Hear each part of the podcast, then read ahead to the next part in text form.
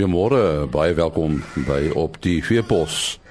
Nou ja, soos jy al weet, op die Veepos is 'n program wat uh, konsentreer op die vee en die wildbedryf. In die program gaan ons praat met uh, eh, presisie boerdery vir 'n veeboer. Ons praat daar met Niels Fourie.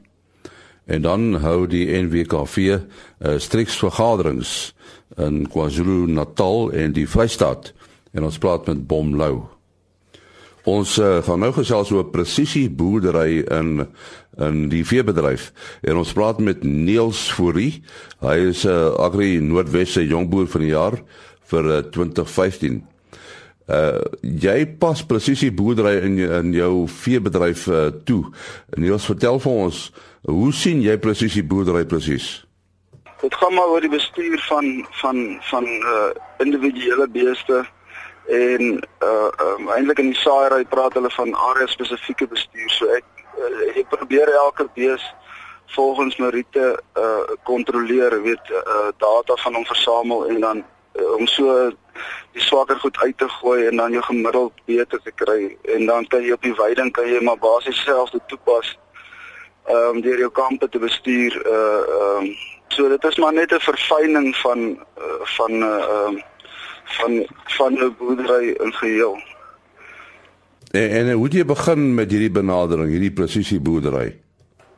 Ons het nooit die idee van presisie boerdery Ja, dis nou maar as 'n woord wat later gekom het. Ons het maar net begin deur al die beeste te nommer, maar beeste was nooit genommer nie en ek dink dit is dit is uh seker die belangrikste die eenvoudigste maar belangrikste ding. En toe het ons begin kontrole toepas, ehm uh, eerste in terme van ehm um, dragtigheid. Elke koei moet elke jaar kalf. En later het ons begin weeg.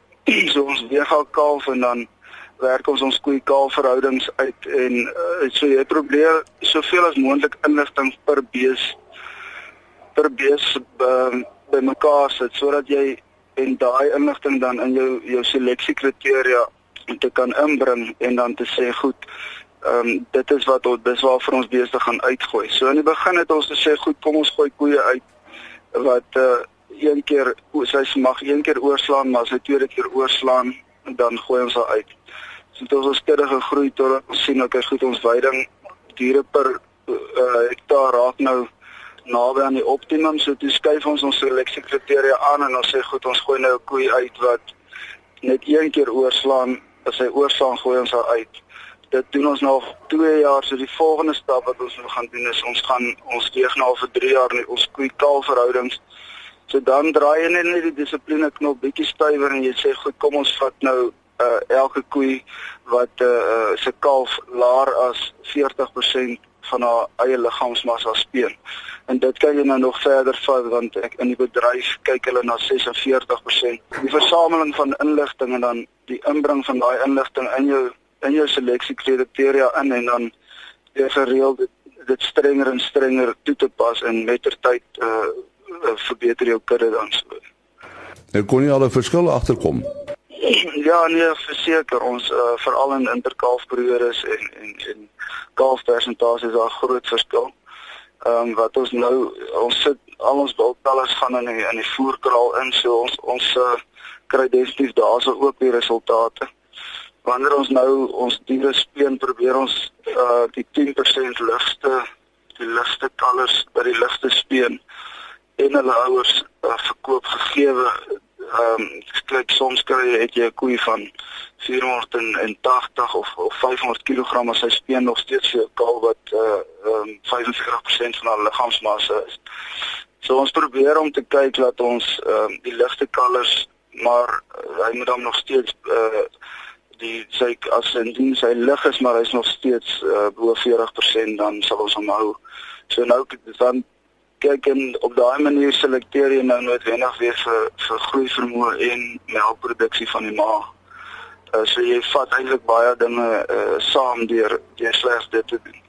Ja, ons het, ons stoet nie met die diere nie, so ons ons moet dit wat ons doen moet moet moet prakties vir ons uh uh uitvoerbaar wees. Ons ons het nie ons is nie so intensief nie, maar ek glo tog dat ou kan verskriklik baie verbetering doen deur deur 'n paar eenvoudige dinge toe te pas. Ehm um, die woord presisie boerdery ehm um, soos ek sê is 'n woord wat nou na die tyd gekom het en en ehm um, dat dit so mense begin sê hoe maar jy pas dit reeds toe. So ek dink nie dis 'n regte 'n woord wat mense moet so weghardloop. Dit is nou net gewone goeie bestuuring en dan is daar ook maar 'n uh, um, jy kan dit baie verder vat. Jy kan jy kan geen geen tipes ehm um, genomiese toetse begin doen.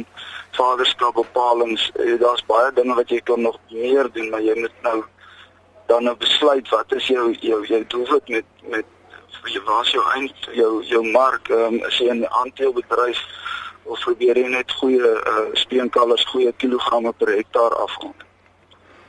Daar sê dit was al Niels Fourie, Agri Noordwes se jongboer van die jaar oor die presisieboerdery wat hy toepas. Ja, dis uh, weer daai tyd van die jaar streeksvergaderings van die NWKV en uh, die vergaderings vind in KwaZulu-Natal en die Vrystaat plaas. Ons praat met Bom Lou, hy is die produksieadviseur van die NWKV op Harry Smit. Uh Bom, uh wat is die doel met hierdie streekvergaderings? Ja, ek wil net een ding regstel, hierdie vergaderings vind plaas saam met die RPO, die rooi vleisprodusente organisasie. Dit is al 'n tradisie hier in Natal en in die ander provinsies ook nou al. Uh die doel van hierdie vergaderings is maar om by die boere uit te kom. Ons het in die ou jare ons altyd kongres gehou en dan kry jy afgevaardigdes. Dan uh, word daar 50 ouens mag afgevaardig word en dan daar gaan so 526 op. So hierdie streekvergaderings uh, dis nogal 'n 'n 'n rowwe week is in 4 dae van 6 vergaderings plaas en ons bereik so amper 200 boere in daai in daai week. Ons hoop hierdie jaar gaan dit nog meer wees. Wat gebeur tydens die vergaderings? Is dit maar lesings? Man nee, ons het net een lesing vanjaar. Die uh, verlede jaar het ons twee lesings gehad en 'n uh, en 'n uh, paneelbespreking. Hierdie jaar het ons net 'n uh, een spreker, Dr. John Purchase van die Landbou Besigheidskamer en hy gaan 'n bietjie praat oor die landbouontwikkelingsplan en die invloed daarvan op die landbousektor en spesifiek die boere in Natal. Goed, vertel ons 'n bietjie uh, waar en wanneer van hierdie vergaderings plaas. Goed, ons begin die maandag, die 1 Februarie 2 uur begin ons by Loeneburg, daar in Noord-Natal. Dis by hulle laerskool en ons is opgewonde oor daai vergadering want dit is die eerste maal wat ons dit nou saam met die ouens van Mpumalanga gaan doen. Daai Noord-Natal, ek eh, jy het seker al gehoor ek eh, die het in Mpumalanga bygekry. Uh so ons wil sommer die Mpumalanga manne dan bytrek by hierdie eerste vergadering.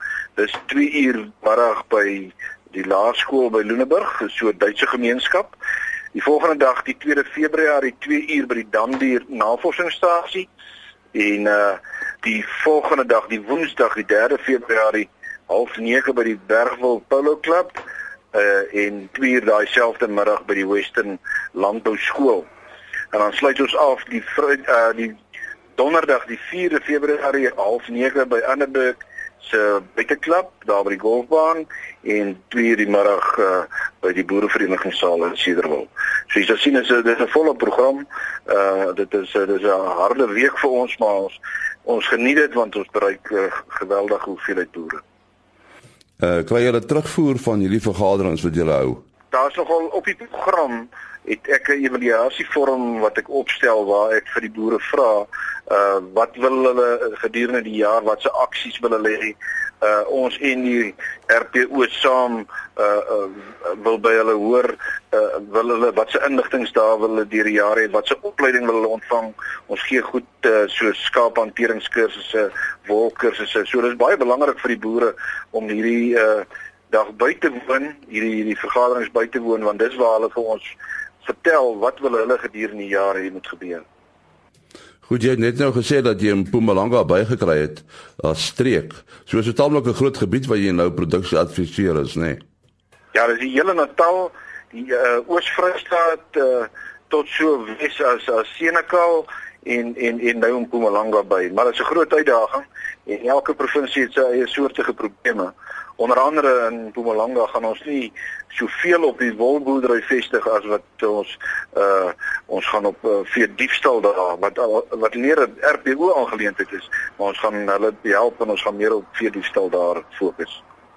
Is daar ander plekke waar boere die inligting kan kry om uit te vind waar dit plaasvind? Man hulle kan vir my skakel. Uh hier by by uh by Harry Smit uh by 08265 2243.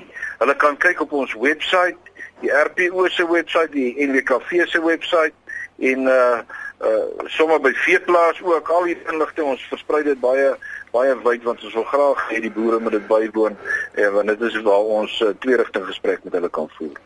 Goed net wie jou telefoonnommer? 082 65 22 43 Nou baie dankie Bon Blou, produksieadviseur van die NWKV. daarmee ook die einde van op die Veepos. Môreoggend om 4:45 is ons weer terug. Tot dan, mooi loop. Ah.